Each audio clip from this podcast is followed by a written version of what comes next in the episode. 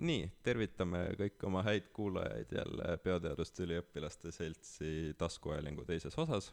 meil on väga hea meel, et olete taas asunud meie saadet kuulama ning täna rändame koos isiksuse psühholoogi ja Tartu Ülikooli Genoomika Instituudi käitumisgeneetika kaasprofessori Uku Vainikuga geneetilistel radadel.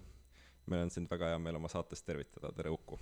tere, aitäh kutsumast! ja kuulajate lahkel loal oleme siis täna sina peal jaa, sobib. teises saates on ehk veel natukene vara rääkida mingite traditsioonide, mingitele traditsioonidele aluse panemisest või, või millestki harjumuspärasest või mingist harjumuspärasest formaadist. aga ma arvan, et äh, ka seekord võiks alustada seda meie tänast vestlust mm, sellise enesetutvustusliku formaadiga, et kui sa palun natukene avaksid enda sellist äh, hariduslikku, teaduslikku teekonda ja kuidas sa jõudsid käitumisgeneetika ja isiksuspsühholoogia juurde ja miks need valdkonnad on sind võlunud või endasse haaranud? jah, ma olen siis, äh, formaalselt ma olen psühholoogia kasvandik, et ma olen siin Tartu Ülikooli psühholoogias teinud baka, magistri, doktori ja nüüd olen tagasi äh, teadurina aga ma olen igas äh, õppeastmes käinud ka välismaal. et kõikidel tudengitel ma soovitan alati võimaluse käia välismaal, et ma käisin bakatasemel Saksamaal, Konstantsis, kus ma uurisin roh-, keskendusin seal, oli, mind huvitas organisatsioonipsühholoogia, siis magistri tasemel olin ma Toronto ülikoolis, kus ma vaatasin, kuidas EEG abil jälgida mm, vaimsete võimeke treeningu efekti inimestel, kellel on hüperaktiivsus ja siis doktori esimese aasta samuti olin ma Montrealis, äh, Montreali, McGilli ülikooli juures, Montreali neuroloogia instituudi juures, kus ma sattusin oma praegusele teemale, mis on siis äh, ülekaalu ja ülesöömise äh, käitumuslikud mehhanismid. ja sellega ma olen nüüd tegelenud siin doktorantuuris ja siis ma järeldoktorantuuri läksin tagasi Montreali kus ma lisaks selle käitumisele, mida me siin mm, psühholoogias hästi mõistame, mm, võtsin lisaks ka veel, et mõista, kasutada ülekaalu ja käitumise mõistmiseks inimese ajustruktuuri ja geneetikat. ja nüüd praegu ma üritan kõike need kokku panna, et äh, me, et mõõta inimese käitumist näiteks läbi isiksuse testi. Äh, ja isiksuse test on niisugune lihtne viis, kus inimene ütleb, kuidas ta tüüpiliselt käitub, mõtleb ja mida ta tunneb aga siis see, see ongi mõte, et kui inimene käitub kuidagi, et siis äkki see läheb kokku sellega, mida ta sööb, sest söömine ongi üks käitumine. kuidagi peame energia sisse saama. ja need seosed on olemas. et neid seoseid on psühholoogid teinud palju, aga siis, kui tahta teada saada, et äh, kas näiteks inimesed, kes ütlevad isiksuse testis, et nad on ärevamad või madalama enesekontrolliga või impulsiivsemad nad on ka kõrgema kehakaaluga, et kas need seosed on põhjuslikud, siis äh, läheb asi keerulisemaks. aga nüüd geneetika on andnud mulle abikäe.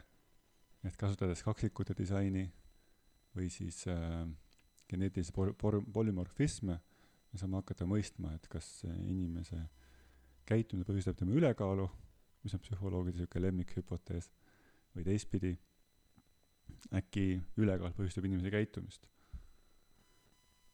ja kumb on sinu lemmik, kas sina oled nii-öelda reapsühholoog või sa oled ebatraditsiooniline psühholoog, vähemalt olin, selle hüpoteesi vaates? ma olen ikka reapsühholoog, et me tegime hunniku, alati nagu terve doktoriõppe ma tegin hunniku korrelatsiooni inimese käitumise ja ülekaalu vahel ja siis, kui tõlgendad, mõtled jaa, et inimesed on impulsiivsemad, siis on raske ennast kontrollida, kui nad toitu näevad. aga nüüd äh, mu tubli doktorant Kadri Arumäe on teinud mitu analüüsi, mis näitavad, et paistab, et põhimõtteliselt ikkagi inimese ülekaal põhjustab seda, kuidas ta isiksuse testile vastab hmm.. mis paneb nagu niisuguse psühholoogi vaate pea peale, aga teisest küljest näitab, et huvitav, et meie vaim on mõjutatud väga selgelt meie niisugusest bioloogiast või äh, kehakaalust. või no kui juba sinna toitumispsühholoogia radadele sai sammud seatud, siis ma arvan, me võiksimegi seda rada mööda edasi käia, et kui, kui ma avan äkki selle nii-öelda vooru sellise äkki kõige proosalisema küsimusega, mida ehk isiksuse psühholoogia prisma läbi on kasulik vaadata, et miks me vaatame või tähendab, miks osad inimesed suudavad endaga olla ranged ja distsiplineeritud, aga teised lihtsalt nii-öelda ei suuda saiale, soojale saiale ei öelda, et miks on dieedi, vahet pole, mis dieedi pidamine nii raske, et ja kuidas selle kõrval nii-öelda treenida oma tervislike harjumuste või dieedialast selgroogu? ma pööran selle küsimuse teistpidi. me peaks arvestama, et meie elukeskkonnas on väga palju maitsvat toitu ja kuna toidufirmade vahel on konkurents ja inimesed valivad toitu vastavalt sellele, kui maitsev või põnev see tundub, siis tehakse aina maitsvamaid toite ja ma ütleks, et tekib küsimus, et miks kõik nendega ei liialda, sest see toidu puhul on tehtud maksimum selleks, et teda oleks võimalikult lihtne lii-, temaga oleks võimalikult lihtne liialdada. jah yeah., umbes nagu sotsiaalmeediaga sama ekvivalent. just, jah, täpselt. et võime küsida, et miks osad inimesed ei liialda sellega. ja jah, ja see on raske ülesanne. kui see oleks lihtne ülesanne liialdamist vältida, siis meil ei oleks siin ülekaalu probleeme ja noh, ja see on natuke napakas, et niisugune asi nagu söömine, et kui me näeme, et inimestel, kellel on kõrgharidus, siis neil on kaal rohkem kontrolli all, et meil oleks vaja kõrgharidust selleks, et hästi süüa söömine peaks olema iga inimese, või tervislikult söömine peaks olema iga inimese õigus. et ma arvan, et kokkuvõttes me peaks vaatama keskkonda.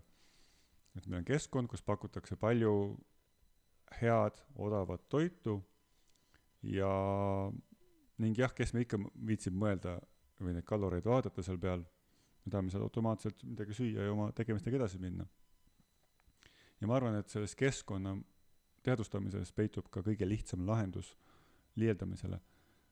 et äh, väga palju meie söömise olukordi on meil kodus ja kõige lihtsam lahendus, mis ma alati kordan, on see, et hoolitseda selle eest, et kodus oleks ainult need toidu toidud, millega me tohime liialdada.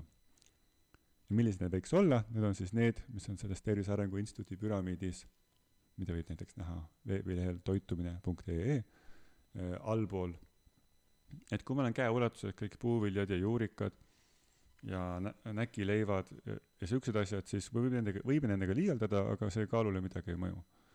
et mida peaks nagu vähem tarvitama, on just siuksed ülitöödeldud toidud mida on väga lihtne ja kiire süüa. et üks põhiline tegur, mis eristab sellist kaalu soodu-, ülekaalu soodustavat toitu mitte to-, mittesoodustavast, on see, et kui kiiresti me selle asja ära sööme. Et äh, toidud, mis soodustavad äh, liialdamist, on, need saavad kiiresti otsa, nad on pehmed, aga muidugi maitsevad hästi, nad saavad kiiresti otsa. et äh, ja on energiatihedad, ehk energiatihedus tähendab, et ühes grammis on rohkem kaloreid. et kui me eelistame neid Tervise Arengu Instituudi selle püramiidi alumise, all olevaid asju ka oma näksidena, siis on, me võime näksida, aga meil on raske enna, ennast üles selle toidudega liialdada, sest me kõht saab nagu lihtsalt ruumiliselt täis. ja mina näiteks, just täna ma tõin endale näksi, kus mu kott on ma nägin, kui ma su kabinetti astusin, kõik oli väga eeskujulik, laua peal oli banaan ja et äh, väga hästi olid varustatud. kuskile panin koti, ma, ma näen siin. nii. ma tõin endale. jõuluvana kingiga. varusin endale asju, mingisugused juurikaleiva-snäkid uh,. Uh, siis uh, näkileib kaneelimaitsega uh, siis on need see vist maisikettad, mis on natuke mingisuguse maitsega. ja veel maisikettaid ja veel näkileibasid. Need on siuksed asjad, et kui tunned, et tahaks midagi süüa, aga siis ei ole šokolaad, mis on energiatihe, näiteks näkileivad. Ma nüüd krabistan natukene panen need ära. jaa, krabista, ma sel ajal räägin, eh, loobki sellise tõsise nagu podcast'i meeleolu, et sellise originaalne podcast. et äh, siit ka väike meeldetuletus, et arvestades praeguseid ärevaid aegu ja ükskõik mis muid juhtumisi, siis need on ka asjad, mida on hea kodus hoida, eks. et äh, jah, kestavad kaua, kaua.. ehkki noh, kaloreid on vähe.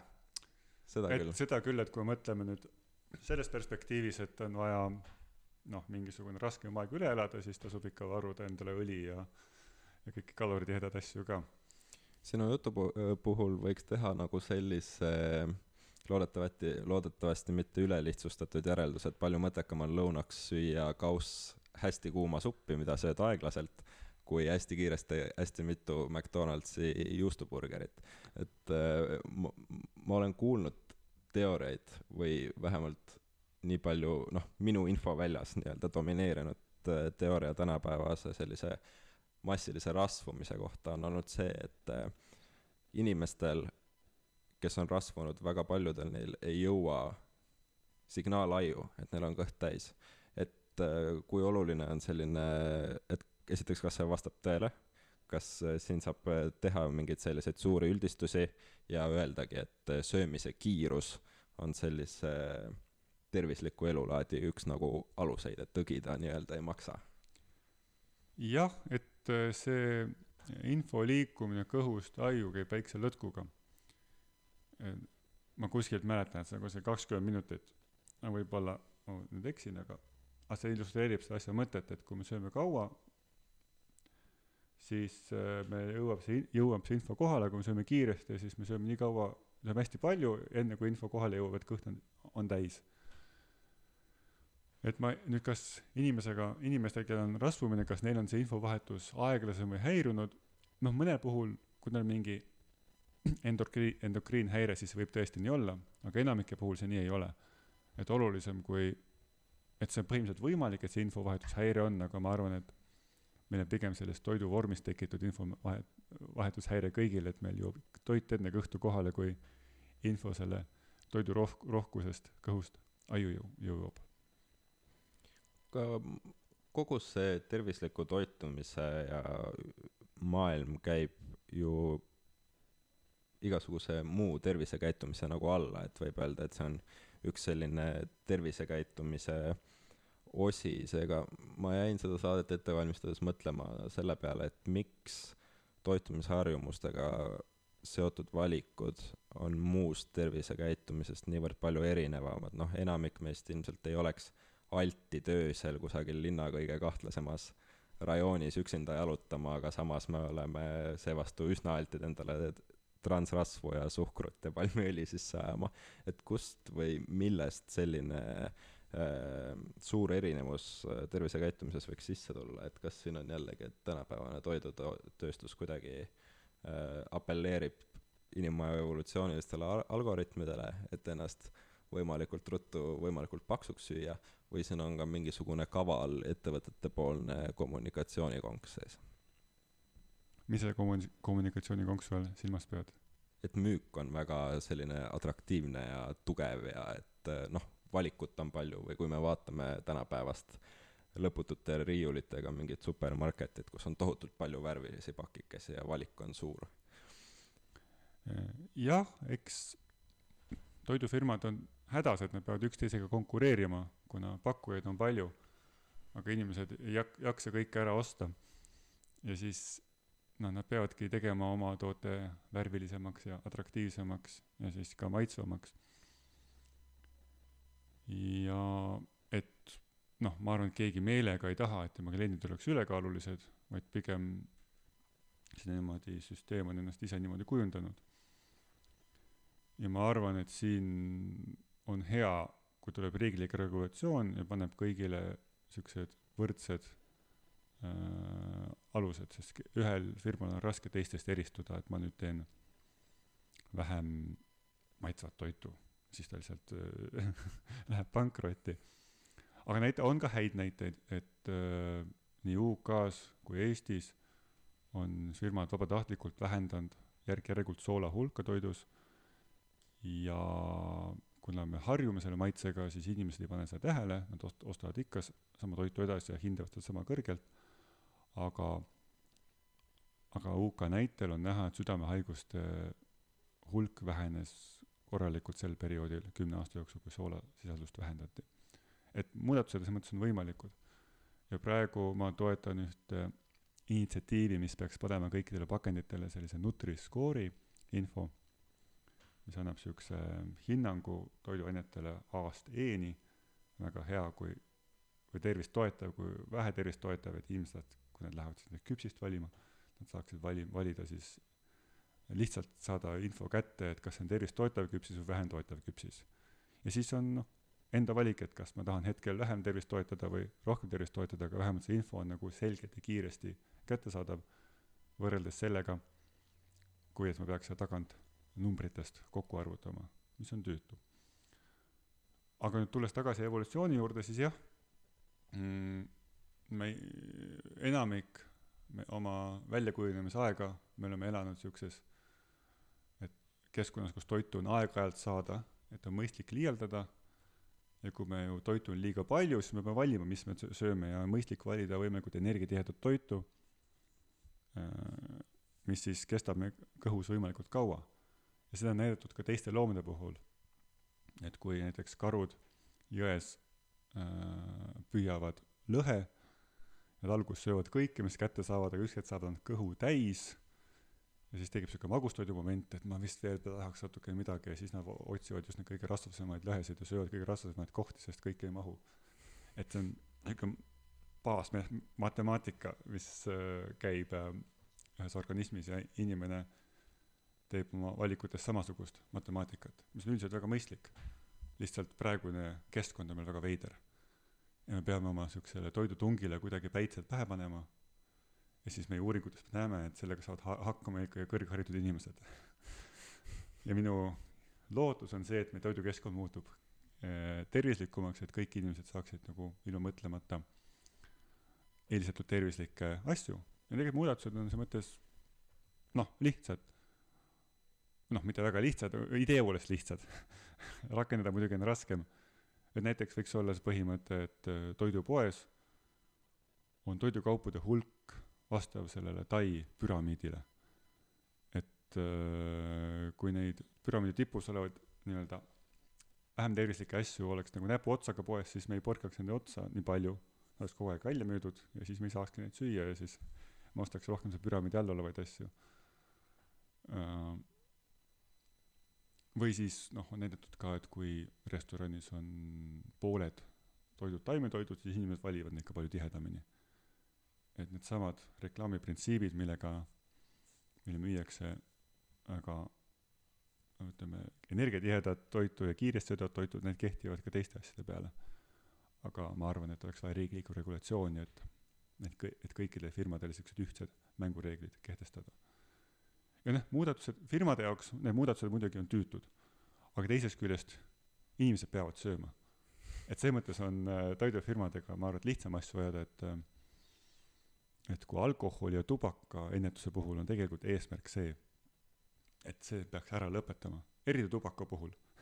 siin noh, see e-sigaretiga võime arutada, et jah, et see vähem, vähendab seda vähiasja, vähiriski, aga noh, midagi, me ikka sealt saame, sõltuvus jääb.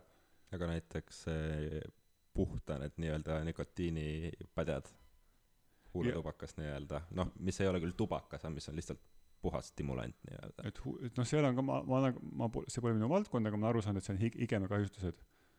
et noh, tervise äh, reguleerijate ideaalis tubakas peaks olema läinud. siis toidu puhul see ei ole nii. Inimesed peavad ikka sööma, lihtsalt peavad sööma teisi asju. Ja on näha, et võidavad firmad, kellel on võimalikult lai portfell. Ja näiteks Nestle on ka vabatahtlikult võtnud Nutri-Score'i juba üle. Ja ma arvan, et see teistel on see tõe küsimus. Ja noh, samamoodi mm, Coca-Cola, eks ju, tal on nüüd lai, müüb, müüb ka vett.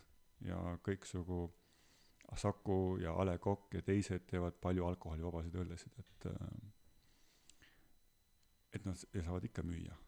et selles mõttes ma arvan, et selline tervisliku toidu müümine ei lõpe maailmas ära. no seda on hea kuulda, aga küll aga on probleemiks kujunemas mitte nii radikaalses mõttes siin Eestis kui näiteks USA-s on suureks probleemiks toidu hind ma olen kuulnud oma Ameerikas äh, ja New Yorgis elavatelt sõpradelt, et äh, nii-öelda orgaanilise toidu USA mõttes, aga Eesti mõttes normaalse toidu mm -hmm. a la vanaisa kartul ja, ja oma talu siga ja nii edasi. et äh, seal Ameerikas need nii-öelda puhta toidu hinnad on niivõrd laes, aga samas suuremal osal elanikkonnast ei ole oma sissetuleku tõttu võimalik endale seda lubada, siis kas kuidagi võiks leiduda ka riiklik äh, regulatsioonimeede toidu hinna reguleerimisele või, või noh, ma mõistan, et see ei ole küll praegu niivõrd Eesti probleem, kuigi ma, kuigi ka meil siin hinnad tõusevad, eks. aga kas sa leiad, et äh, ka toidu hinda, eriti niisuguse tervisliku toidu hinda, noh, juurviljad või noh, päris liha et kas neile võiks kehtestada mingisuguse hinnalävendi, et kuidagi mõjutada ühiskonna sellist tervisekäitumist või see on paratamatult Ameerika näitel mingisuguste äh, mahepõllumeeste lihtsalt pankrotti ajamine mm.? mahepõllundus on, nüüd jälle ma kõnnin valdkonda, kus ma väga palju ei tea, ma olen natuke lugenud, et ma arvan, et mahepõllundus ei ole viis, kuidas meie kõiki miljardeid ära äh, toita. et mulle mulje jäänud, et mahepõllundus on teatud valdkondades väga hea ja toimib, aga nad on välja valinud valdkonnad, kus on üldse võimalik.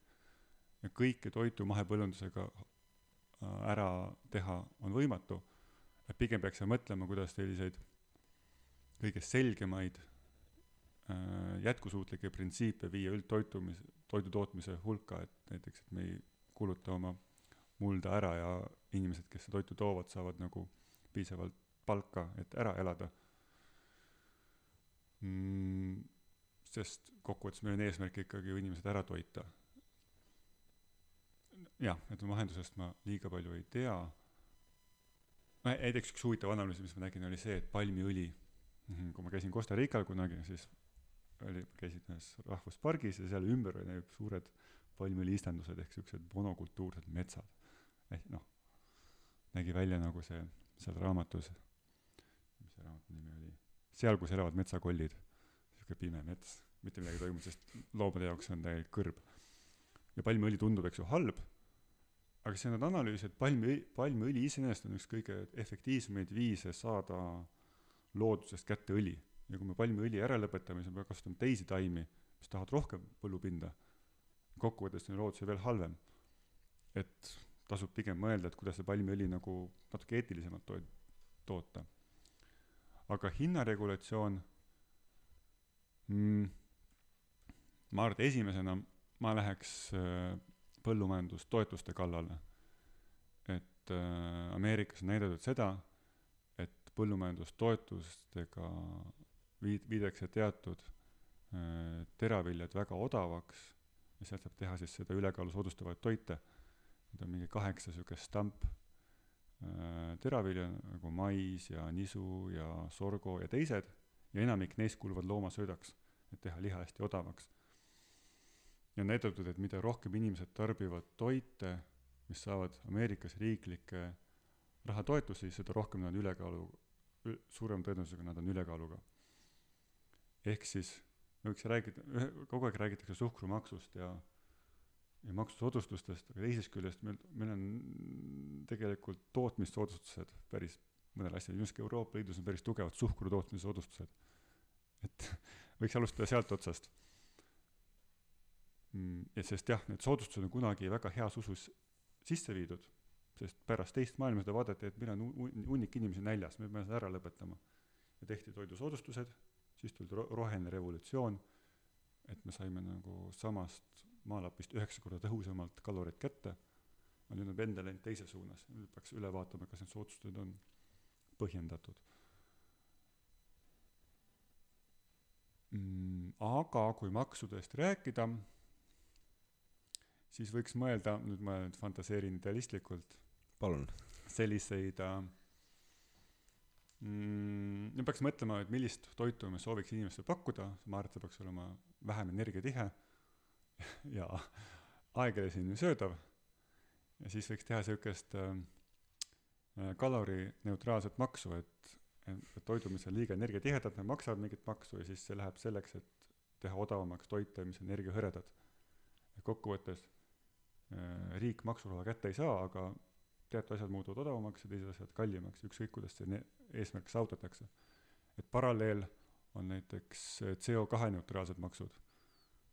Et öeldakse, et energiat peab tootma mingisuguse teatud CO2 tasemega, kõik, mis on sellest üles, peavad maksma maksu ja see läheb selleks, et need teised asjad, mis lähevad CO2-st alla, odavamaks teha. ma olen kunagi Postimehes kirjutanud sellest ka, vist aastal kaks tuhat kuusteist, kui keegi tahab lugeda. kõndides nüüd natukene selgemalt sinu valdkonda tagasi sisse, ehk siis psühholoogiasse, ma olen sageli tähele pannud, et rasvunud või rasvumaas inimesed äh, on sattunud enda sõnutsi sellisesse nõiaringi, kus nende ülekaalulisus põhjustab neile stressi ja depressiooni ja viletsat tuju, aga ometigi nad jätkavad söömist, et enda tuju parandada. et mis oleks selline psühholoogi vaade sellisele äh, noh, tõesti nõiaringile ja kuidas neid inimesi saaks sealt välja sikutada?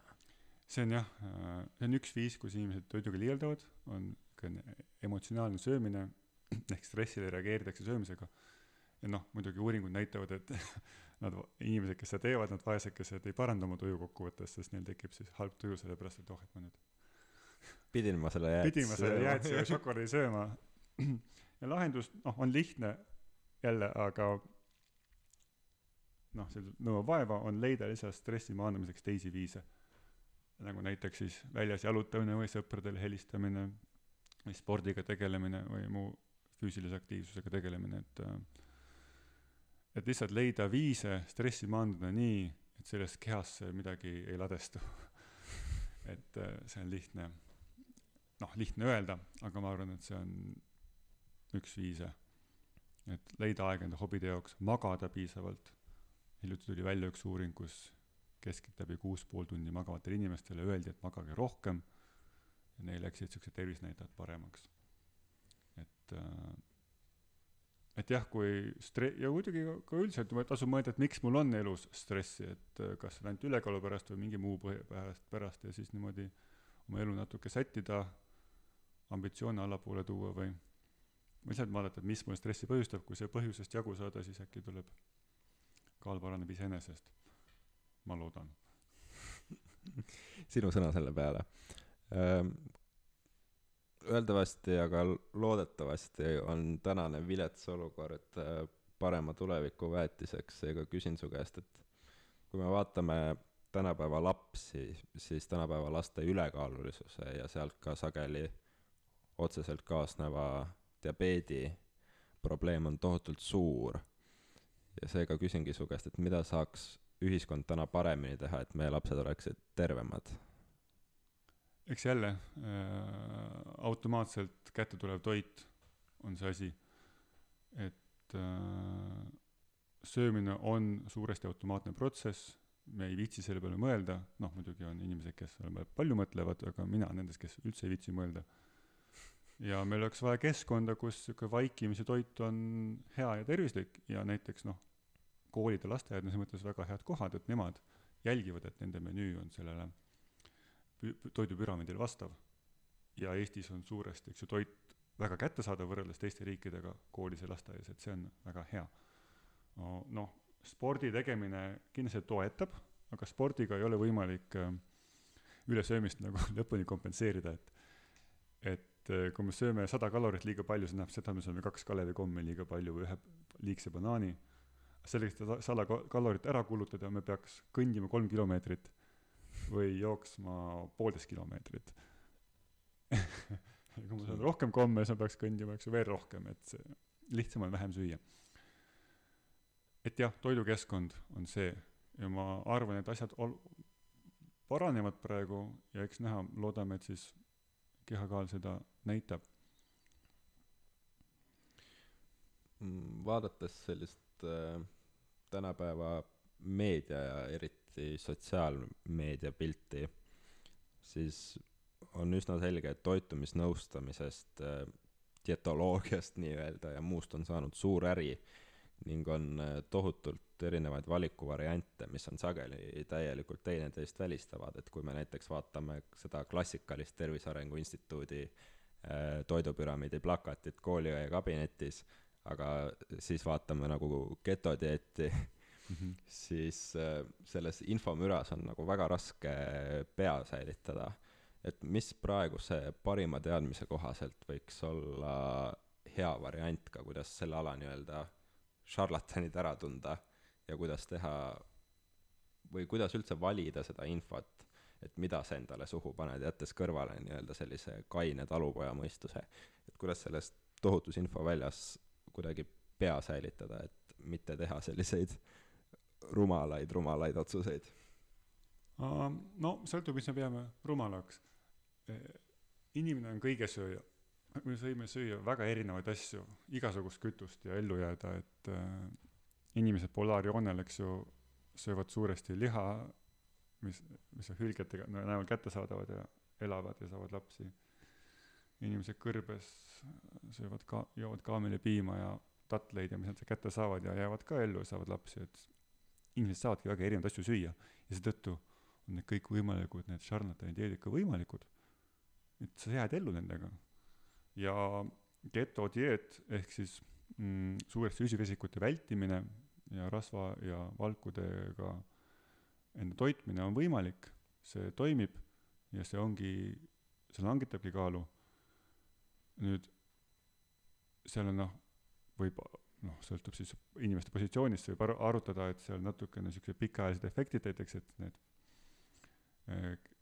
Äh, lisaained, need koormavad näiteks neerusid või et kas meil on mõistlik teha dieeti, mis põhimõtteliselt koosneb loomade, loomsest äh, allikatest, et see nõuab palju rohkem maakera ressursside toidu üleskasvatamine, aga põhimõtteliselt getodieediga saab kaalu, kaalu langetada, inimesed teevad seda. et äh, igast asju tasub proovida, kui on huvi, aga ma ütleks, kui tahate kohe sellist talupoja mõistlikku lähenemist, siis tuleks võtta see toitumine.ee lahti ja, ja seda teha. Mm.. ja siis noh, üks kriteerium võib-olla veel, et kui müüakse palju lisaaineid, võib küsida, miks neid mulle müüakse, et toitumine on niisugune asi, kus me peaks saama hakkama sellega, mis me poest saame. et nagu lisaasju tavaliselt meil ei ole vaja, kui just arst ei ole ütelnud, et võtke niisugust asja, näiteks lisarauda või või vereproov on näidanud, et midagi on puudu, mis võib vabalt olla. aga tavalised inimesed ei vaja toidulisandeid.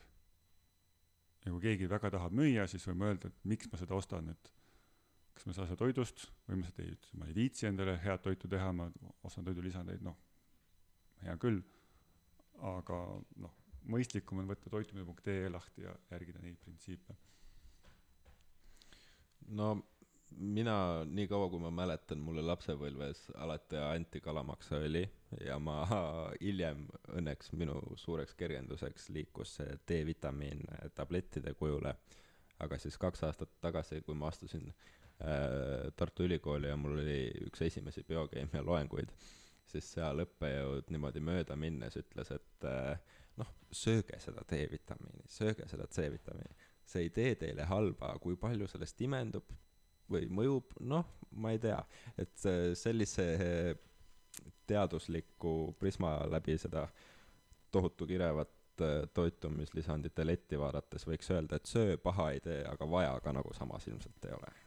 jaa, siit me jõuame otsast jälle selle geneetilise põhjuslikkuseni, mis on, mis, mis meid praegu erutab, et need vitamiinide efektid tekkisid üheksakümnendatel, kui vaadati suuri Äh, kohordi uuringuid ja näh-, nähti, et inimesed, kel söövad rohkem D-vitamiini, nemad on tervest, tervemad, et siis järelikult oleks vaja D-vitamiini süüa ja siis noh, vitamiini tootjatel oli see, eks ju, väga hea. aga noh, seal ei arvestata põhjuslikkust, et näiteks inimesed, kes ostavad D-vitamiini, on tõenäoliselt on lihtsalt rikkamad ja inimesed, kes on rikkamad, neil sageli on parem tervis. et, äh, et siis seetõttu see efekt oli peegeldas sotsiaalmajanduslikku staatust mm,. üsna karm tõsiasi. ja nüüd on tehtud palju suuri äh, uuringuid, kus randomiseeritakse, kas inimesed saavad D-vitamiini või ei saa ja siis on loodetud, et see annab efekti kõiksugu asjade nagu depressioon ja vähk ja mida muud. aga on näha, et see aitab põhimõtteliselt ainult äh, konte tugevdada ja mitte millegi muu vastu. nüüd, ja need mak-, uuringud maksid miljoneid, sadu miljoneid dollareid. Aga nüüd geneetika annab võimaluse äh, selle raha kokku hoida, sest äh, geneetika põhimõtteliselt, eks äh, juhuslikustab äh, äh, viljastamise hetkel, et mis ema või isa geeni me saame ja see on suht juhuslikult, kas me näiteks saame D-vitamiini taset tõstvaid geene või ei saa. ja siis, hiljem me saame vaadata, et inimesed, kellel oli D-vitamiini naturaalselt tõstev geenid, kas neil on midagi siis parem kui need, kellel on, seda ei ole. ja on siis näha, et D-vitamiini tõstvad geenid äh, aitavad jah, põhiliselt ainult siis luutihedust parandada ja suurt mitte millegi muu vastu. ja selline naturaalne eksperiment on üks hästi odav, põhimõtteliselt maksab ainult ühe bioinformaatiku palgaraha, võrreldes kogu selle randomiseeritud katsega. et see on see, miks äh, geneetilised andmed on hästi võimsad ja miks niisuguseid asju nagu äh, Eesti geenivarem on vaja. Ja mina siis äh, siin sotsiaal-, äh, kolmveerand jalaga psühholoogias, veerand jalaga geenivaremus, ma üritan sedasama nippi ära kasutada et mõista nüüd äh, tervise ja psühholoogia seoseid. et me rääkisime siin sellest isiksusest ja ülekaalust, et me kasutame geneetilisi nippe, et seda põhjuslikkust teada saada, aga meil on ka palju teisi tuntud käitumise ja tervise seoseid, aga me ei tea, mis põhjustab mida. sest äh, sellist eksperimenti püsti panna, et ma muudan inimese isiksust, näiteks inimese ärevust või meelekindlust, see on kallis või siis ma näiteks muudan inimese suitsetamist ja vaatan, kas ta isiksus muutus, noh, see on ka, nõuab palju ressurssi. ja me tahaks kasutada geneetikat, et nüüd kiiresti ära vaadata, kas, mis pidi võiks seos olla, et kas inimese kõrgem ärevus põhjustab tema suitsetamist või suitsetamine näiteks hoopis madaldab meie ärevust. Ja selleks, et me seda teada saaks, meil on vaja geene, mis seostuvad suitsetamisega, mis on ammu leitud aga mis on, on teisalt vaja, vaja geene, mis seostuks isiksusega. ja sellepärast me oleme siis välja praegu või läbi viimas seda suurt isiksuse uuringut geenivaremus. et kes on meediat tähele pannud, me novembris alustame ja nüüd märtsi lõpuga saab veel osaleda, kes on geenidoonor. geenivarama.ee kaldkriips isiksuse uuring, et seal saab vastata küsimustele ja meil on kaheksakümmend tuhat inimest juba vastanud ja ma loodan, et me leiame sealt geene, mis siis seostuvad inimese käitumisega ja me saame lõpuks teada niisugust potentsiaalset põhjuslikkust, et äh, kas inimese käitumine põhjustab tema tervist või tervis põhjustab tema käitumist. ja see on see praegu hetkel hästi aktuaalne teema ja see andmestik, mis sealt tuleb, see on nagu uskumatu, et meil on, inimesed vastavad poole tunniga kuskil kahesajale küsimusele ja sealt saab meeletuid asju teha. et kui vähegi on kellegi huvi käitumise ja tervise seos, seoseid uurida või sealt geneetikat mõista, siis tasub minuga ühendust võtta ja kindlasti mõtle midagi välja. aga mul on hea meel, et sa selle isiksuse uuringu ise teemaks võtsid, et äh, kindlasti hästi paljud on sellest kuulnud, sellest, et äh, sellest uuringust, kuna meedia tähelepanu on äh, suur, turundus on väga hea, ka mina ise olen sinna lõksu astunud olen geenidoonor äh,, valim on tohutu suur, nagu sa ütlesid Äh, aga seal leiab ka väga julgeid äh, lubadusi, eriti kui me vaatame seda nii-öelda turunduslikku pilti, et äh, kuidas sinu iseloom klapib sinu lemmiklauljaga või, või muud sellised, kui sa palun natukene veel avaksid selle isiksuse uuringu omadust ja mis võiksid olla sellised ideaalsed pikaajaliste implikatsioonidega nagu leiud sealt mm? -hmm me selle isiksuse uuringu täite saab kohe enda kohta tagasisidet, et isiksus on viis niisugust baasdimensiooni, mm, neurootilisus, kui palju me reageerime eh, negatiivsetele sündmustele, nagu näiteks Ukraina sõda, ekstravertsus on see, kui palju me reageerime positiivse, positiivsetele sündmustele, nagu näiteks pidu või kellegagi suhtlemine, äh, avatus uuele kogemusele, et kui palju me eelistame uusi põnevaid olukordi versus oleme pigem konservatiivsed ja eelistame vana ja järelproovitut. Äh, sotsiaalsus, ehk kui palju me arvestame käitumises teisi, oleme empaatilised versus paneme rohkem enda huvid esikohale. Ja siis meelekindlus, et kuivõrd me järgime reegleid ja oleme süstemaatilised oma elus versus oleme rohkem sellised, et las elu toob, mis saab. ja me anname inimestele tagasisidet. inimesed saavad teada, aga siis tekib küsimus, et mis ma selle tagasisidega peale hakkan. ja siis need võrdlused Kevade tegelastega või muusikutega annavad inimestele nagu võrrelda, et ahah, ma olen nagu Kiir või Toots või Michael Jackson või äh, Bono U2-st, et äh, et see on niisugune meelelahutuskomponent, et inimesed saaksid paremini sellest oma profiilist aru, et nad näeks teisi inimesi ümberringi nad tunnevad, kellel on samasugune isiksuse profiil. aga mis sellest siis praktilist kasu või ütleme, teaduslikku kasu on see, et esiteks on see põhjuslikkuse mõistmine, mis ma rääkisin, aga lisaks sellele me võime ka mõelda, et me küsime ka inimeste elusündmuste kohta. et on teada, et inimese isiksust võiks mõjutada nii geneetika kui ka elusündmused, aga need elusündmuse efektid on samuti suuresti teadmata. et me küsime, kas inimene on hiljuti töö kaotanud või lapse saanud või abiellunud. et äh, me tahaks teada, et kas need asjad võivad inimese isiksust mõjutada või mitte. ja see, et siiamaani need uuringud ei ole midagi veenvat näidanud ja tõenäoliselt on vaja jälle hästi suuri valimeid, et need efektid selgelt välja tuleks. Seetõttu me väga tänulikud kõigile osalejatele. aga meil on vaja ka veel juurde osalejaid, see on hämmastav, aga mida rohkem osalejaid on, seda rohkem paremini saame teada. me võime mõelda ka mm, isiksustatud äh, tagasiside peale mm, tervise puhul, et äh, Facebooki maailmas on teada, et kui reklaamid näiteks mingisugused meigireklaamid on, on tehtud vastavalt inimese isiksusele, et, et äh, kõrge ekspertse inimesele me müüme, müüme näiteks meigireklaami, et kui, et see on ühe artiklist võetud näide, et et kõik vaatavad, kuidas sa tantsid ja see on nii äge. ja siis kõrge ekspertsi inimesed ostavad seda rohkem ja madala ekspertsuse inimestel oli see hüüdlause oli, et äh, keegi ei märka sind ilu ei pea karjuma ja see, põhimõtteliselt. ja see läheb nagu neile paremini peale, et samamoodi võiks mõelda, et kui me geenivaram hakkab andma tagasisidet, et kuidas käituda oma, oma tervist muuta, siis võiks arvesse võtta inimese isiksusega. et siis me saaks sealt võimalikult mõjusaid äh, sõnumeid oma käitumise muutmiseks, mis, nagu me oleme rääkinud, see on raske kui uksest aknast igasuguseid ahvatlusi tuleb. et äh,, et äkki me saame isiksuse põhjal anda inimesele niisuguseid paremaid soovitusi, mis teda suunavad tervislikumalt ela, kauem elama. et see on teine lootus, näiteks.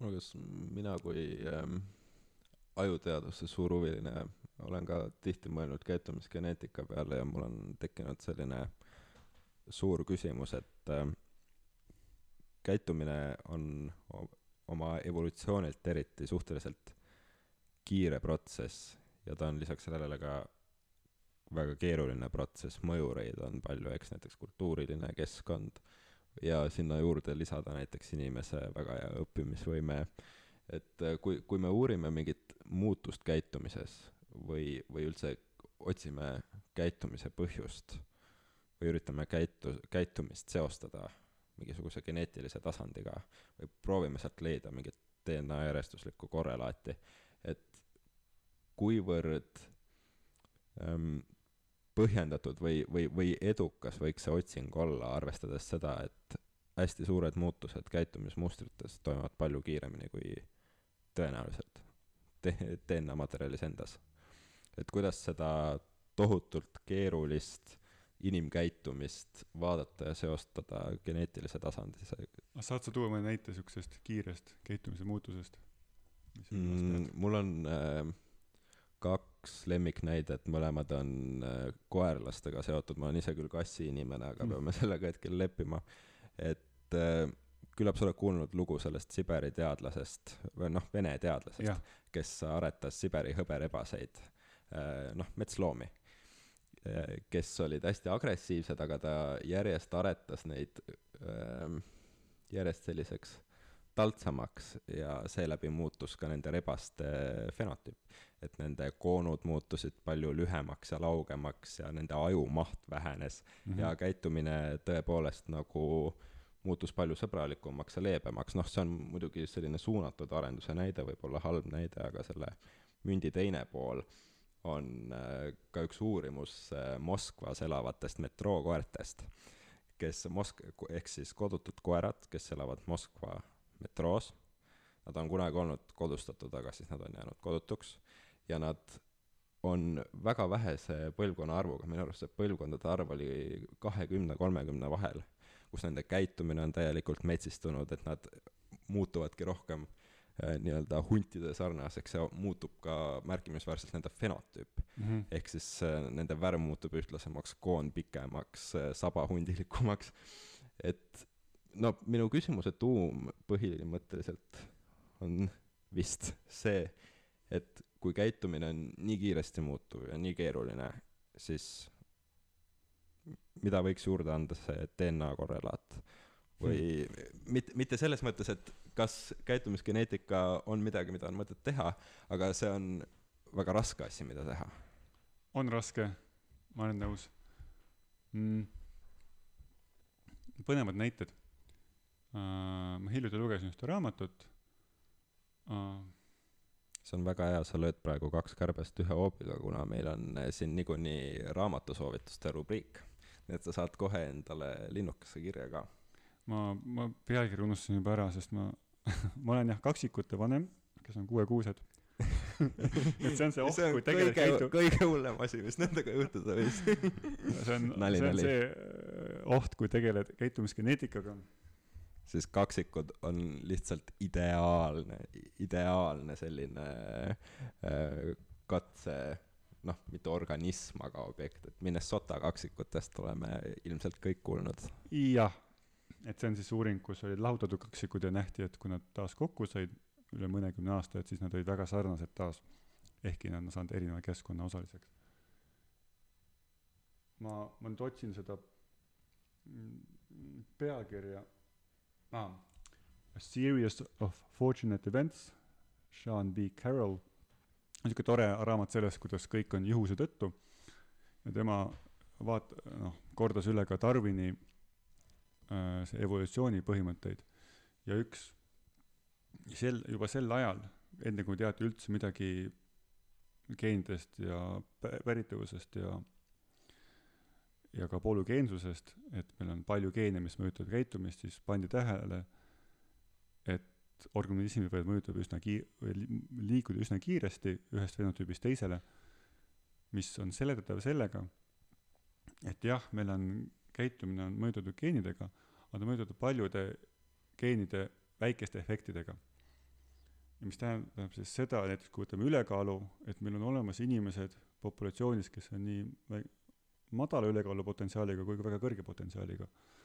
ja kui toimub keskkonnas muutus, et on vaja teistsugust käitumist, siis tegelikult need inimesed on selles populatsioonis juba olemas.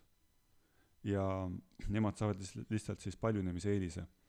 ja see ongi nende, selle äh, käitumise geneetik, selle signaali võlu, et erinevad käitumisstrateegiad on nii-öelda populatsioonis olemas, nad kuidagi on siis erinevate väike, geenide kuidagi keeruline summa aga nad on olemas ja siis, kui keskkond nõuab näiteks rohkem altruistlikuma käitumist või vähem või rohkem ülbemat käitumist, siis on teatud osa liigist, kes nii juba käitub ja nemad saavad siis eelise ja saavad siis liigi nagu, saavad liigi mm, äh, elus olemist garanteerida.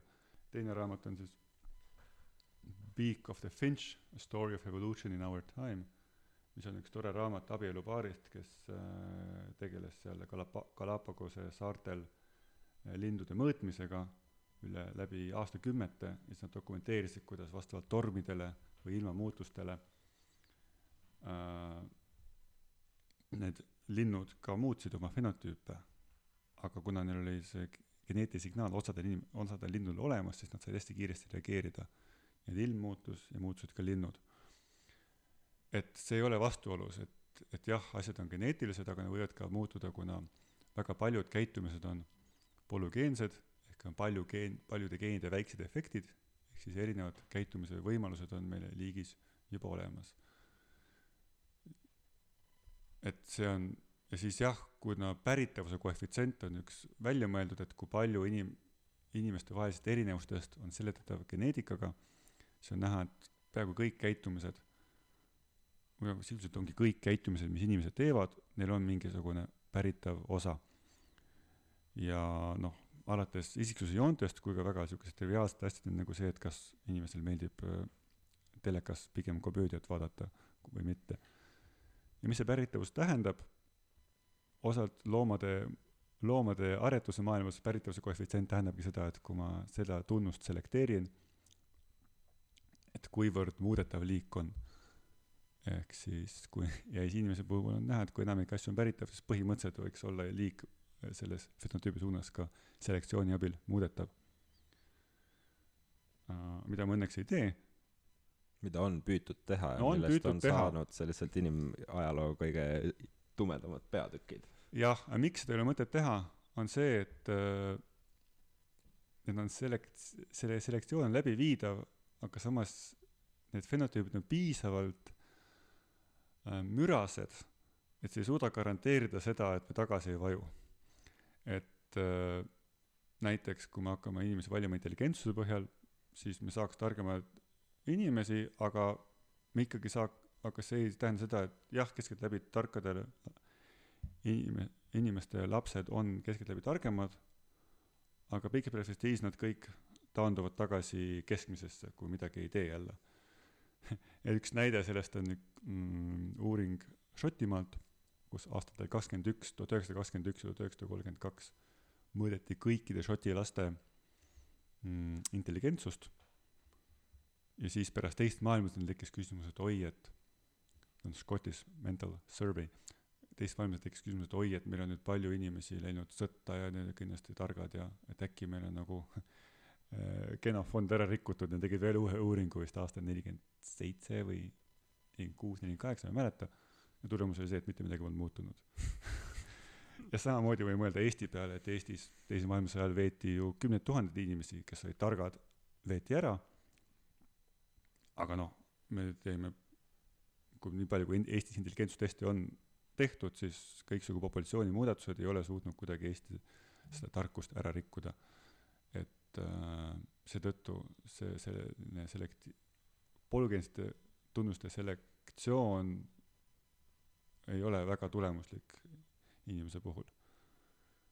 Isegi kui see oleks tulemuslik võime mõelda kas see oleks hea. Ja ma arvan et see jälle ei ole hea et variatsioonis peitub äh, jõud et äh, siukene kõige ekstreemsem näide on näiteks ähm, Gros Michel'i banaan mis oli tuhat üheksasada äh, või eelmise sajandi alguses kõige populaarsem banaan ta oli väga hea kreemias ja kõik mida veel. Aga siis tuli ainult seda kasvatati ja siis tuli mingi seen mis hävitas kõik ära. Ja seda liiki põhimõtteliselt on väga harva saada. Seda sa ei saa seda suure skaala kasvatada sest tuleb jälle see seen ja tapab selle ära. Ja selle asemel praegune banaan on Cavendish mis enne peeti siukseks halvaks banaaniks. Aga nüüd see on nagu muutunud ka taas populaarseks ja noh jälle kasvatatakse ühte ainult ja pole aja küsimus kui jälle tuleb mingi seen mis selle ära tapab. Et samasugune probleem on kautšukiga mis millest toodetakse kummi ja näiteks kui autorehvid tehakse sünteetilisest kummist sest see on piisav siis lennukirehve me ei saa teha sünteetilisest kummist sest seal on vaja väga hästi töötavaid rehve. Ja minu arust Lõuna-Ameerikas on kõik kautšuki istandused ära lõpetanud sellepärast et üks mingisugune kas seen või bakter on ära tapnud. Ja on aja küsimus kui see asi jõuab Aasiasse. Et ma arvan et inimene ei taha olla siukene nagu Gros Michel et äh, siukene optimeeritud organism mis kahjuks siis ühe mingi keskkondliku patogeeni tõttu ära likvideeritakse. Noh nagu vulkanid Star trackist et neid on tore vaadata telekast aga nende moodi vist väga olla ei tahaks. Et äh, minu lemmikuid või kõige lemmikum näide sellisest äh, inimkäitumise noh me meile meeldib mõelda endale kui sellistest äh, tsiviliseeritutest ja ja toredatest olenditest. Aga minu lemmiknäide sellest kuidas mingisugune muutus ja siinkohal ka noh geneetiline muutus kaudselt mõjutab inimese käitumist, on üks äh, selline mõistatus, mille äh, esitas oma tudengitele Stanfordi professor Robert Sapolsky ja ta küsis oma tudengite käest, et äh, mida on ühist menstruatsioonil, anapoolsete steroidide tarvitamisel, ajukasvajal ja rämpstoidusõltuvusel. kas sa tead seda mõistatust? ma ei tea seda mõistatust aga ma, aga, aga see on teada, et kui inimesed tarvitavad palju rämpstoitu, siis neil hakkab puberteet varem aga selle konkreetse, neid nelja asja konkreetselt ühendab see, et neid kõiki on äh, edukalt kasutatud USA-s mõrvajuurdlustes.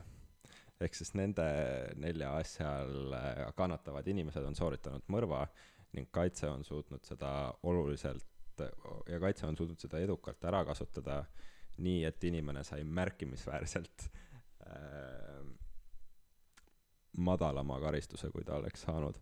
et minu arvates kogu see inimkäitumise uurimine, see on lihtsalt niivõrd huvitav valdkond ja soovin palju edu selle geenivaramu isiksuse uuringa, uuringuga, et rohkem paljastuks see geneetiline korrelaat, sest praegu see geneetiline korre-, korrelaat siin puhul oli noh, see, et tekkis mingi mutatsioon, tekkis ajukasvaja käitumine muutus mm, -hmm. aga mulle väga meeldiks mõte sellest, et leitaks mingi konkreetse käitumise, näiteks ka vaimuhaiguse geen, miks mitte skisofreeniat põhjustav geen, praegu on mingeid seoseid minu arvates loodud, aga niimoodi täpselt näpu peale pole pandud, et kas see geenivaramu isiksuse uuring võiks anda tulemusi ka selliste tõsisemate vaimsete patoloogiate või vaimuhaiguste nagu diagnoosimiseks või just enne, mitte diagnoosimiseks, aga just ennetamiseks. ja, ja. seeläbi ka raviks. Kindlasti. ma arvan, et me selleni ei jõua, et me leiaks sellist skisofreenia geeni, sest skisofree-, skisofreenia, depressioon ja kõik teised haigused on jälle väga polügeensed. et nad ei ole sellised nagu Huntingtoni tõbi, et et kui meil on see polümorfism, siis me saame selle, vaid jälle sõltub keskkonnast ja meil on teatud potentsiaal seda haigust saada, aga kui keskkond on toetav äh, ja sõbralik, siis me loodetavasti ei saa seda haigust.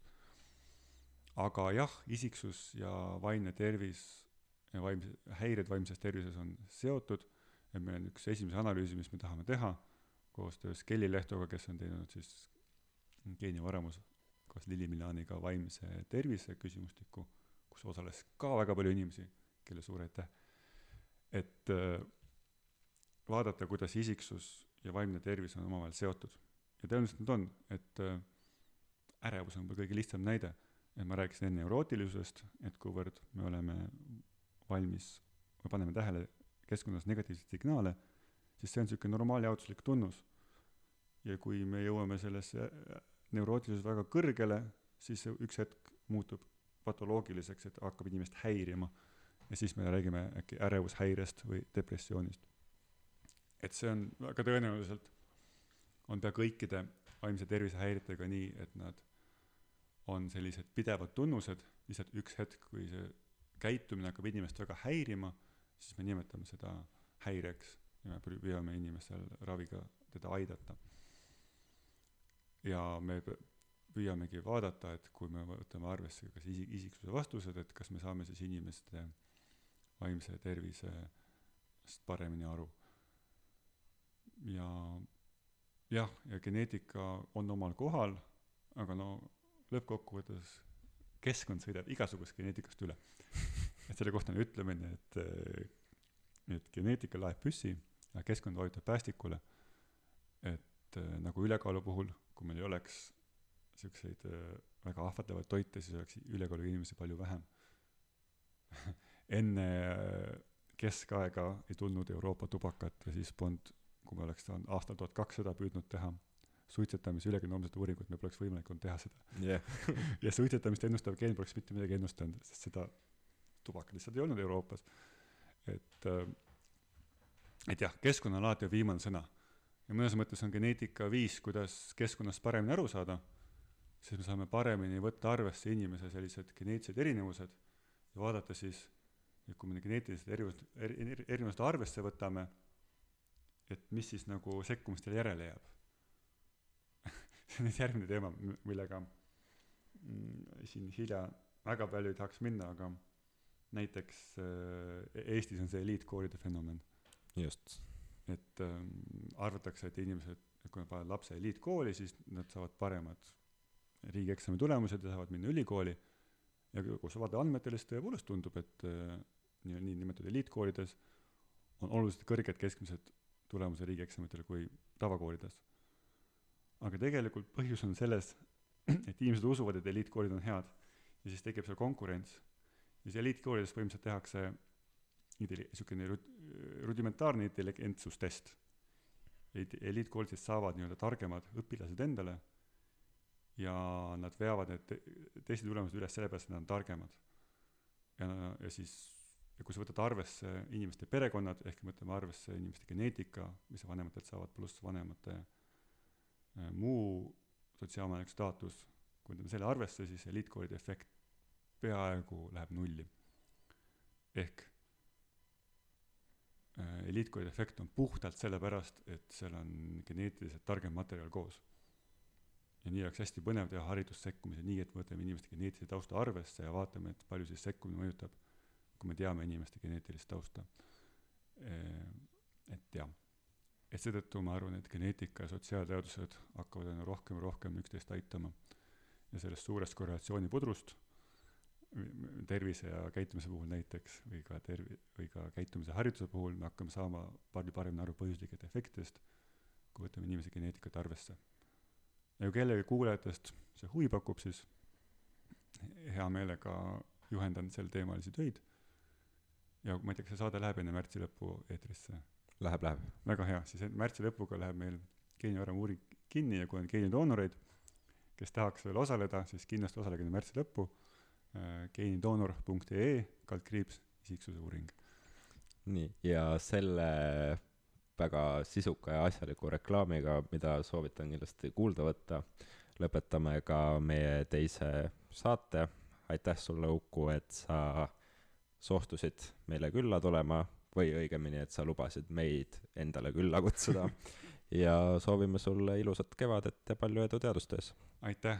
Ja ma vist unustasin juhendamisel üles kutsudes oma kontakti anda et uku.vainik@ut.ee või siis otsige mind twitteris üles et seal ma jagan põnevat teadust mis mulle meeldib ja siis saate vaadata kas teile endale ka see põnev tundub.